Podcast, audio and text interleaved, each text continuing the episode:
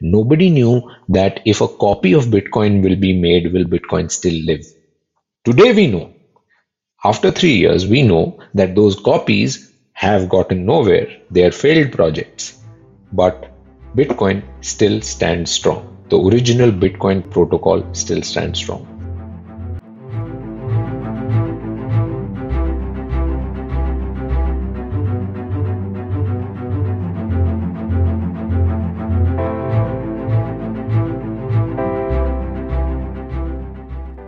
Hi guys welcome to Money Shot ये एक show है जहाँ हम क्रिप्टो करेंसीज डिस्कस करते हैं। शो का फॉर्मेट बहुत सिंपल है। हम तीन चार दोस्त हैं और हम एक दूसरे को क्रिप्टो करेंसीज के बारे में क्वेश्चन पूछते हैं और उसके बारे में डिस्कशंस करते हैं। इन डिस्कशंस को सुनकर आप भी क्रिप्टो करेंसीज के बारे में सीख सकते हैं। So Vishal, see, I, I understand where, uh, what you're saying about Bitcoin on all the three parameters. But how have things changed now? Because what I remember if I go back like you said bitcoin is twelve year old और यार बारह साल ही हुआ है चार पाँच साल पहले when the first bitcoin transaction happen that time also bitcoin transaction वो happening that time also like when you talking about the two thousand seventeen two thousand eighteen बोल रहा और crash everything remain the same bitcoin that time was also store of value तो अभी ऐसा क्या change हो गया है जो right now is a good investment bitcoin is a good investment या फिर अभी क्या गारंटी है कि it will not be a repeat of two thousand seventeen two thousand eighteen Okay, so many things have changed. It's a good question. Uh, many things have changed since 2017. One of the things that I will say is that Bitcoin is also maturing. It's maturing in terms of its use case and it is maturing in terms of its technology. So those are two big things that have changed. And then there are a couple of other external factors that caused that crash in 2017. Long term, if we look at it, actually, if you look at it, Bitcoin, when it started in 2008, it was, you know, less than a dollar. Today, we know where Bitcoin is, right? It's around 18,200 something when I last checked the price, 18,200 US dollars. So over 12 years, it's grown that much. But yes, there was a crash in 2017. So what has changed? So in 2008, when it was launched, तब तो कोई नहीं जानता था right बहुत कम लोग जानते थे and the technology was not tested. So at that time, people truly believed that, hey, this thing is going to be a currency. it is going to replace all currency in the world. And so that was the narrative around Bitcoin. That was the early narrative. And as the Bitcoin protocol evolved, more users came in, the network got tested, the technology got tested, the narrative evolved to store of value. They realized that, listen, this is limited supply the best use case for this is store of value. Unit of account is the last stage. It can get there one day after it has gained mass acceptance. Everybody is using it and everybody is able to uh, denominate prices of goods and services in the form of Bitcoin, but we don't have to get there right now. Right now, it is a great store of value. So now, to answer your question, 2017 में क्या हुआ था और अभी क्या difference है? 2017, I think basically uh, two things happen, right? Like one is the use case was not as evolved or as well understood. Much fewer people knew about Bitcoin and it was a retail FOMO. So everybody was buying Bitcoin and it was going, the price was going up. And it was just random investors like you and me. No institutions were involved. Governments were saying this is a scam.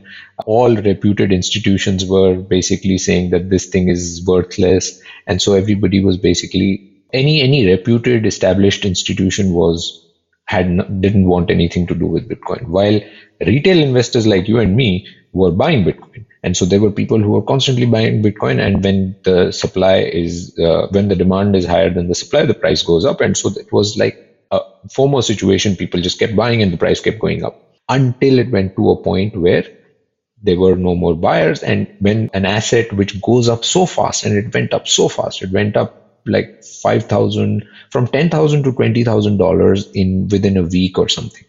And when the price of an asset goes up so fast it is a bubble because it has no strength in it right? People are just you know piling on the trades. One person is buying and the other is beating that price and they're constantly shooting the price up. And then one big seller sells it off and the price goes boom and the price crashes and that's what happened. So that was because the retail FOMO, there were no re- institutional investors. Now, let's imagine if there were institutional investors. institutions don't invest like retailers, right? Retail investors. We buy, we don't really understand, right? If I don't understand much about Bitcoin, I'll buy, I'll be like, oh, this thing is going up. Let me make a quick buck. So I'll put uh, $100 in it. Tomorrow it becomes $300. Great. I'm going to sell it off. So that is what was happening. So people got to a certain price level where they were like, oh, we've made good money. And then they started selling. And so suddenly the price crashed. Now, institutions, when they buy, they buy with the objective of long term investment. And so there were no institutions back then. Today, there are institutions. So when you have long term investment, you're not just going to sell because, you know, the price went up a little. Uh, so that was another uh, reason. The third uh, reason was that there were things about Bitcoin that were not yet tested. And 2017 was actually the first test of Bitcoin. There are many misconceptions and maybe this is another topic to discuss in a separate episode but there are many misconceptions about bitcoin. One of those misconceptions was hey but this is just a software code and it is an open source software code. So can can somebody not just copy it and create another bitcoin? So how is bitcoin unique and that was one of the things that people kept saying from the day bitcoin was incepted 2008 say 2017 that this was a fear that the whole world had that one day somebody will copy Bitcoin and create another Bitcoin. And so my Bitcoin is not valuable anymore. Anybody can copy and create another Bitcoin. That actually happened in 2017. So that was another factor that that was the first test of Bitcoin, and that factor sort of you know shook things up and scared people away. That was another reason why people sort of exited. Nobody knew that if a copy of Bitcoin will be made, will Bitcoin still live? Today we know after three years, we know that those copies have gotten nowhere. They are failed projects. But Bitcoin still stands strong. The original Bitcoin protocol still stands strong. So, and the, here. And I think, yeah. Sorry. And I think that's also because there was no need for another Bitcoin. Like, they weren't really offering anything different, right? So, I think the model in, in itself is such that by having one more cryptocurrency doesn't really add value to any of them. So there wasn't really a necessity, also, right? Isn't that also the reason why all of them failed? There was no market. Yes, yes, you're right. Uh, all I will say is it is not that adding another cryptocurrency was not adding another Bitcoin was not necessary. There are other cryptocurrencies and they have other use cases. Bitcoin has a very unique use case. So that one use case, yes, there was no need for another Bitcoin. They tried to, they created a copy, but they tried to modify a few of the things within Bitcoin. 2017 was, was the first test. And that is also basically, you know, we have to keep reminding ourselves that Bitcoin has come a long way in a very short period of time. But the fact is, it is very young gold, which is thousands of years old, used as money, and fiat currencies, which is hundreds of years old, and maybe thousands actually. Uh, Bitcoin is only 12 years old. So its first big test actually came right here in 2017. First big test. Many other tests have happened. Many other tests in the form of people thought blockchain as a technology. Bitcoin can be hacked. Bitcoin has never been hacked. We hear stories about Bitcoin getting stolen. That is not because the blockchain technology got hacked not because the Bitcoin protocol got hacked. It is unbreachable. Bitcoin technology has been tested for the last 12 years by some of the leading, the, the smartest people in the cryptographic world who've been trying to break it. They've not been able to break it. The hacks are. Just want to explain that to the audience, uh, Vishesh. When uh, when Vishesh says that you must be hearing a lot of news कि ये hack हो गया, वो hack हो गया, crypto चोरी हो गया and all of that. Bitcoin hack नहीं हुआ है, blockchain technology hack नहीं हुआ है, like he's saying. हैक क्या होता है आप जिस एक्सचेंज पे बिटकॉइन खरीदते हैं वो एक्सचेंजेस हैक हो जाते हैं। Because those are like any other exchanges those are like your bank bank भी तो हैक होते हैं right it's like that but bitcoin की जो टेक्नोलॉजी है ब्लॉकचेन वो हैक नहीं होती। ये भी हम डिटेल में कवर करेंगे।